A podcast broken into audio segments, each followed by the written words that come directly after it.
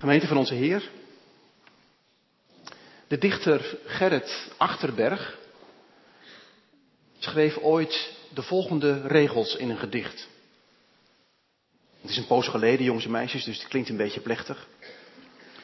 Des morgens kruipt een beest van vrees door aderen en ingewanden en maakt mij weder tot een ander dan die ik slapend ben geweest.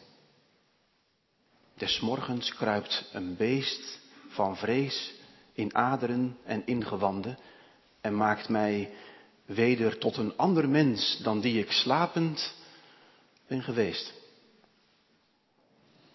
Mooi gezegd, maar wel vervelend dat het zo is. En misschien herken jij dat wel. Dat er zo'n beestje van angst je leven steeds maar weer binnenkruipt. Alsof die door je aderen en ingewanden heel je leven binnen kan kruipen. Onder je huid kan gaan zitten. In je bloed. En waar kun je allemaal bang voor zijn? Dat beestje van vrees, dat, dat verkleedt zich vaak in de vorm van een vraag. En die vraag begint meestal met wat of met hoe. Wat als ik blijf zitten en al mijn vriendjes kwijtraak? Wat als ik opnieuw gepest word op het schoolplein? Wat als ik mijn CITO-toets verknald heb of mijn examen verpruts? Wat als ik geen diploma haal of geen baan vind? Wat als ik alleen blijf, geen partner heb? Wat als ik ziek word? Wat als er iets naars gebeurt met mijn kinderen? Wat als ik alleen overblijf? Of vragen met hoe? Hoe red ik het financieel? Hoe zal het gaan met de zaak? Hoe zorg ik dat mijn kinderen blijven geloven? Hoe moet dat toch met die wereld waarin we leven? Duizend, duizend vragen. Zo stond het ooit in een oude psalm. Duizend noden, duizend zorgen kwellen mijn angstvallig hart. Ik leerde ooit op een HGB-kamp het liedje Heer Jezus, duizend vragen. Waarom, waarheen, waartoe? Het zijn angstige vragen. Angst zit ons kennelijk in het bloed. Des morgens kruipt een beest van vrees door aderen en ingewanden en maakt mij weder tot een ander mens dan dat ik slapend ben geweest. Psychologen kunnen ons vertellen dat ieder mens wel worstelt met vier basisangsten. En afhankelijk van je persoonlijkheid steekt een van de vier vaker de kop op. En die vier basisangsten hebben te maken met vier basisbehoeften die we allemaal hebben, van jong tot oud. Ik wil bijvoorbeeld graag onafhankelijk zijn en vrij, een beetje de ruimte hebben. En dan ben ik bang om mezelf echt aan de ander te verbinden, te geven, me toe te vertrouwen. Maar ik wil niet alleen onafhankelijk blijven en vrij, ik wil tegelijkertijd ergens bij horen en erkend worden. En van daaruit ben ik juist bang om afgewezen te worden. Anderen te verliezen. Aan de ene kant heb ik behoefte aan veiligheid, aan het vertrouwde.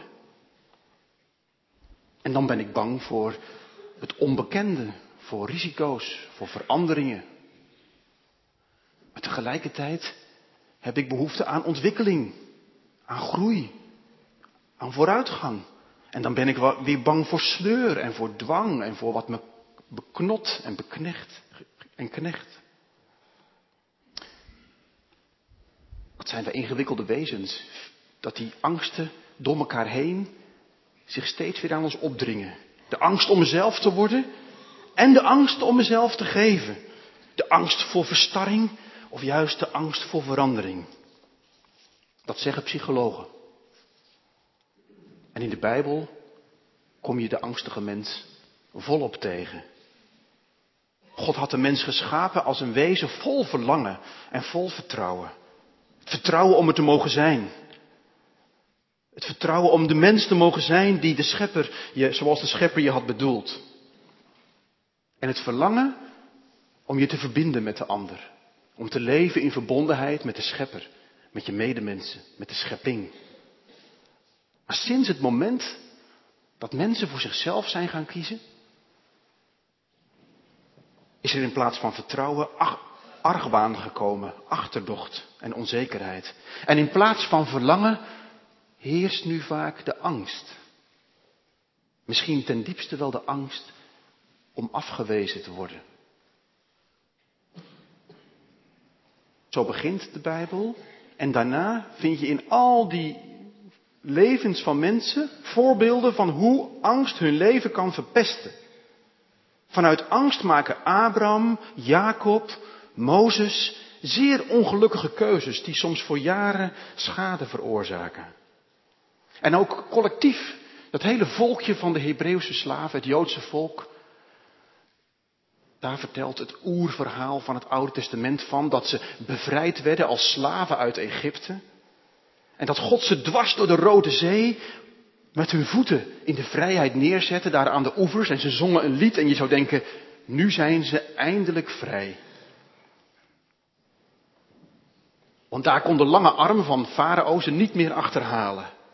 En God, hij wilde ze naar het beloofde land brengen. Waar ze in vrijheid, in vertrouwen en vanuit verlangen weer konden leven. En je denkt, nu komt het toch nog goed met de mensheid. In elk geval met dit volkje. Maar tijdens die reis door de woestijn wordt al heel snel duidelijk dat ze uiterlijk wel vrij zijn, maar van binnen nog helemaal slaaf. Dat ze een slavenmentaliteit hebben. Het hart van een slaaf. De houding van een slaaf. En dat hele volk, het schrikt terug voor de vrijheid en de verantwoordelijkheid die daarmee komt. En, en al snel beginnen ze te roepen, waren we maar daar gebleven. In Egypte. Kijk, en dat patroon, uiterlijk vrij lijken, maar van binnen zo slaafs. Dat kom je door heel de Bijbel tegen. Zelfs bij Jezus' leerlingen die drie jaar optrekken met zo'n prachtig vrij mens. Zoals er nooit één geleefd heeft. Drie jaar trekken ze met hem op, drie jaar lezen ze zijn leven, horen ze zijn woorden. En ook zij schieten steeds weer terug in de reflex van de slaaf. Och arme. En zo gaat het natuurlijk dan ook door in die eerste christengemeenten. En vind je in de apostolische brieven aansporingen om die houding van de slaaf af te leggen. Des morgens kruipt een beest van vrees door aderen en ingewanden en maakt mij weder tot een ander mens dan dat ik slapend ben geweest. En zo schrijft Paulus in zijn Romeinenbrief in hoofdstuk 8, vers 15. U hebt de geest niet ontvangen om opnieuw als slaven in angst te leven. U hebt de geest wel ontvangen om Gods kinderen te zijn en om Hem aan te kunnen roepen, te kunnen aanroepen met Papa. Wat opvalt, is dat het een woord is van ontspanning. Paulus gaat niet met een zweep staan zwaaien en zeggen, nu zullen we aan onszelf gaan werken en aan de wereld om eindelijk die slaaf naar buiten te ranselen. Het is geen drijvend activistisch woord. Het is een heel rustig woord. Wat Paulus vanmorgen aan uw hart legt en aan mijn hart. En hij zegt, beste vrienden, u en jij hebt de geest ontvangen. U hebt de geest ontvangen en daarom ben je een kind van God. En mag je leven uit dit geschenk. U hebt de geest ontvangen. En toch is het kennelijk niet zo gemakkelijk om uit dat geschenk te leven, om dat uit te pakken en je toe te eigenen. De slaaf is helaas nooit ver weg. En iedere keer als ik of u zegt, ik ben bang dat, laat ik dat beestje van vrees weer binnen. En de angst zijpelt weer door mijn leven. In mijn denken, in mijn voelen, mijn willen. We willen zo graag aan de verwachtingen voldoen. En we zijn zo bang om afgewezen te worden, dat ik, dat ik de ander de macht geef over mijn leven. Wat zullen ze van me vinden? Wat zullen ze van me zeggen? En ik kom er gewoon soms helemaal niet meer los van. En zelfs als ik slaap. Achterberg kon tenminste nog zeggen dat hij in zijn slaap die ontspanning had. Maar wie van ons slaapt ontspannen? En worden we vaak in onze slaap niet ons gewaar van gespannen spieren, knarsende tanden en strakke kaken? We zijn zo bedreven om macht te geven aan andere mensen over ons leven en zijn voortdurend bezig onszelf aan te passen aan de ander. En gedragen ons zo als een slaaf die zich in duizend bochten moet wringen, dag na dag. En daar legt dit woord van God vanmorgen de vinger bij. We gedragen ons te vaak als angstige slaven.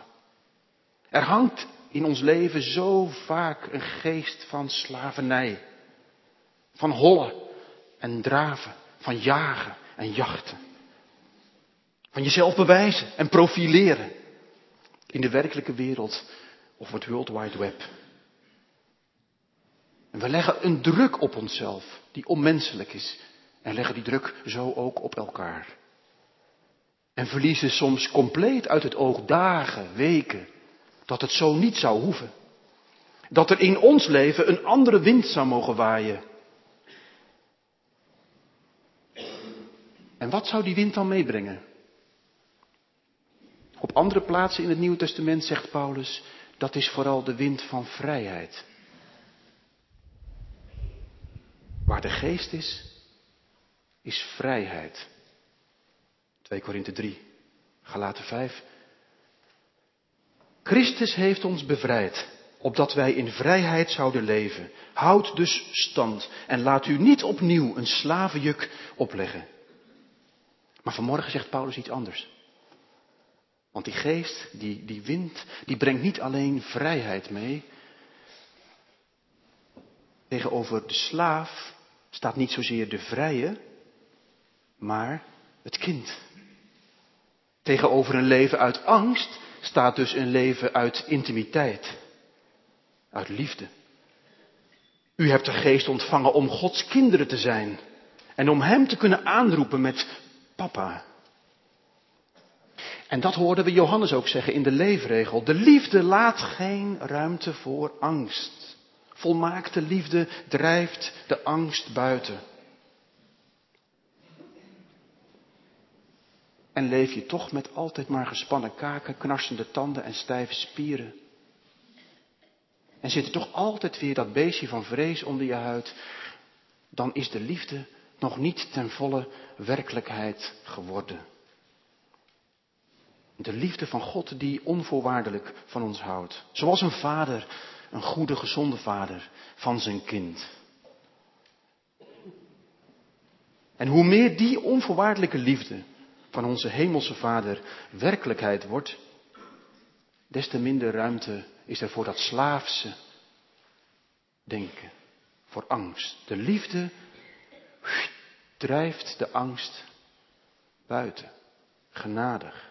Henry Nouwen zegt in een van zijn boekjes, Tekens van Leven heet het, dat veel mensen in deze tijd leven in het huis van de angst.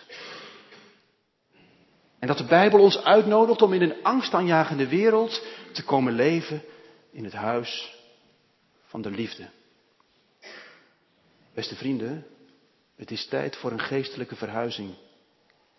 Of voor het eerst of opnieuw.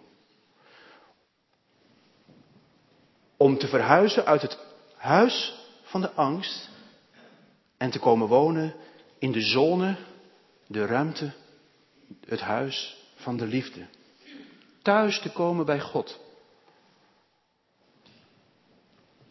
Thuis, dat is de plek waar je vrij mag zijn. Jongens en meisjes, ik weet niet hoe het bij jou thuis is, maar ik hoop dat het fijn is thuis. Misschien niet altijd. Soms komt dat beestje van de vrees ook het huis binnen. Stress, spanning, dat mag ook. Thuis mag je ook ruzie maken soms. Even met de deur knallen, dat ook. Even roepen. even boos zijn.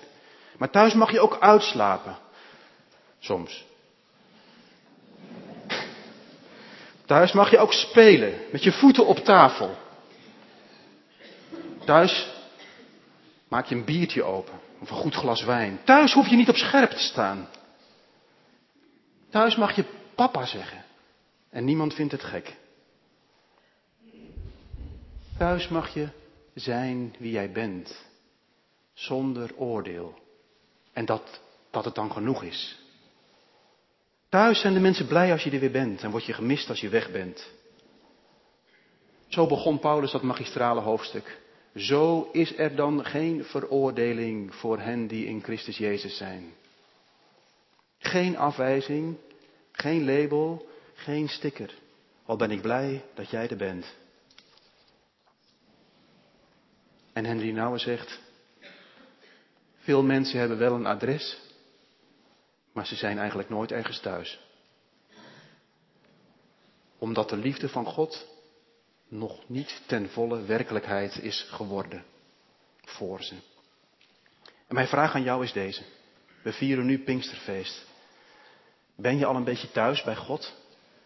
Heb jij die stem, die stem van één uit duizend tot in je, tot in je aderen en ingewanden en je hart laten doordringen die zegt, weet je wel dat ik van je hou?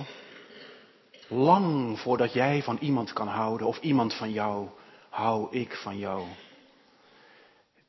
Weet je wel dat je veilig bent?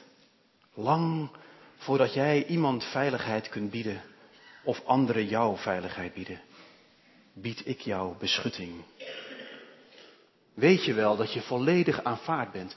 In Sefania staat dat God, als hij naar mij kijkt en naar jou, dat hij dan een liedje zingt.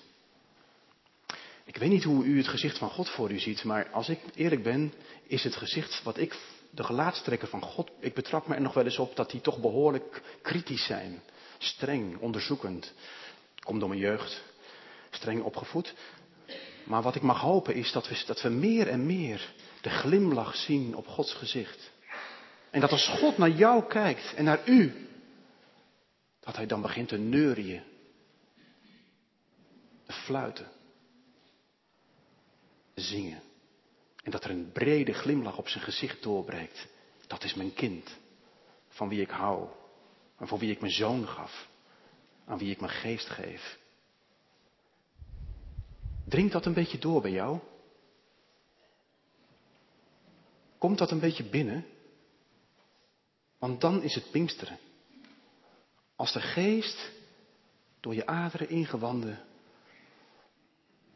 maar misschien ook minder fysiek, vooral geestelijk, tot in je hart, dat mag fluisteren. Die vloer mag leggen. Die kus mag geven.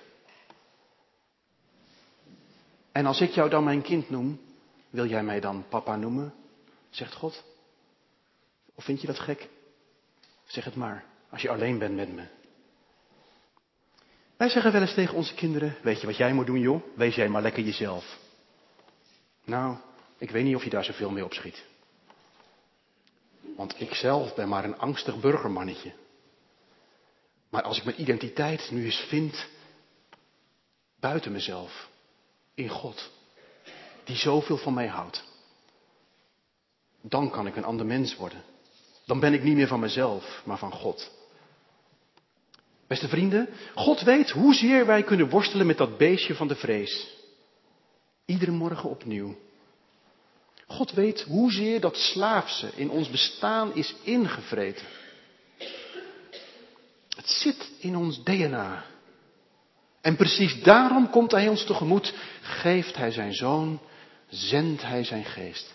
Zodat die Geest in ons leven kan binnendringen op plaatsen waar we zelf niet eens thuis zijn. En daar genadig de slaaf verdrijft en ruimte maakt voor een kinderlijk vertrouwen. Dat God niet langer als een strenge agent of slavendrijver ziet, maar als mijn hemelse vader, mijn papa. En weet je wat het mooie is? Dat is dit. Hoe meer ik zelf in die ruimte van de liefde leer leven en ademen en beweeg, hoe meer dat mijn leven wordt en ik die ruimte steeds vind in mezelf, in Christus, Hoe meer ik ook dat huis mag belichamen voor anderen. Hoe meer ik voor anderen zo'n veilige plaats mag bieden in een gesprek, in een vriendschap, in de omgang. Een veilige ruimte waar niet het oordeel regeert en de afwijzing en de uitsluiting, maar de huk, de verwelkoming, de aanvaarding. En waar liefde het steeds opnieuw wint van de angst. En waar wij elkaar niet langer op, opjagen als slaven, maar elkaar steeds meer mogen zien als broers en zussen en kinderen van God. Amen.